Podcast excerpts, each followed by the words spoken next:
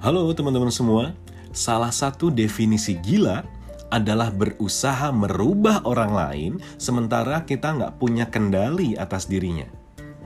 Kita tuh pengen banget teman kita, atasan kita, rekan kerja kita, pasangan kita untuk berubah. Bisa nggak sih? Nggak bisa. Yang punya kendali cuma dirinya dia dengan izin Allah tentunya. So kalau ada perbedaan gimana? Kalau ada perbedaan yang bisa kita lakuin adalah rubah sudut pandang kita untuk bisa melihat dia dari sudut pandang yang berbeda. Biar kita lebih tenang, biar kita lebih bahagia dari sebelumnya.